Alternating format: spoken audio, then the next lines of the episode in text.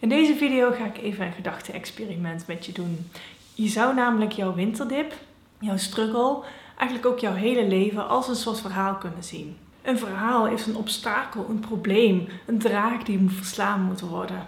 Er zijn hobbels op de weg en terwijl je het avontuur aangaat, kom je ook uh, mensen tegen die je willen helpen, je bondgenoten. En uh, je maakt gebruik van je hulpmiddelen die in jezelf zitten, bijvoorbeeld je moed of uh, je doorzettingsvermogen of van buitenaf. En in een verhaal is er ook altijd een punt waarop de hoofdpersoon, in dit geval jij, denkt echt niet meer verder te kunnen. En dat het echt niet meer, dat het, dat het gewoon een opgegeven zaak is.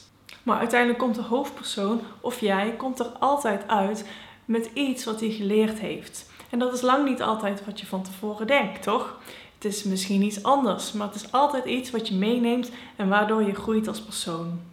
En veel verhalen die verteld worden volgen dezelfde structuur, ook, ook wel de reis van de held genoemd. Maar ook eigenlijk zou je alles in het leven en jouw uh, struggles die je voelt, zou je ook kunnen zien als een verhaal. Dus wat gebeurt er als jij jouw winterdip ziet als een verhaal?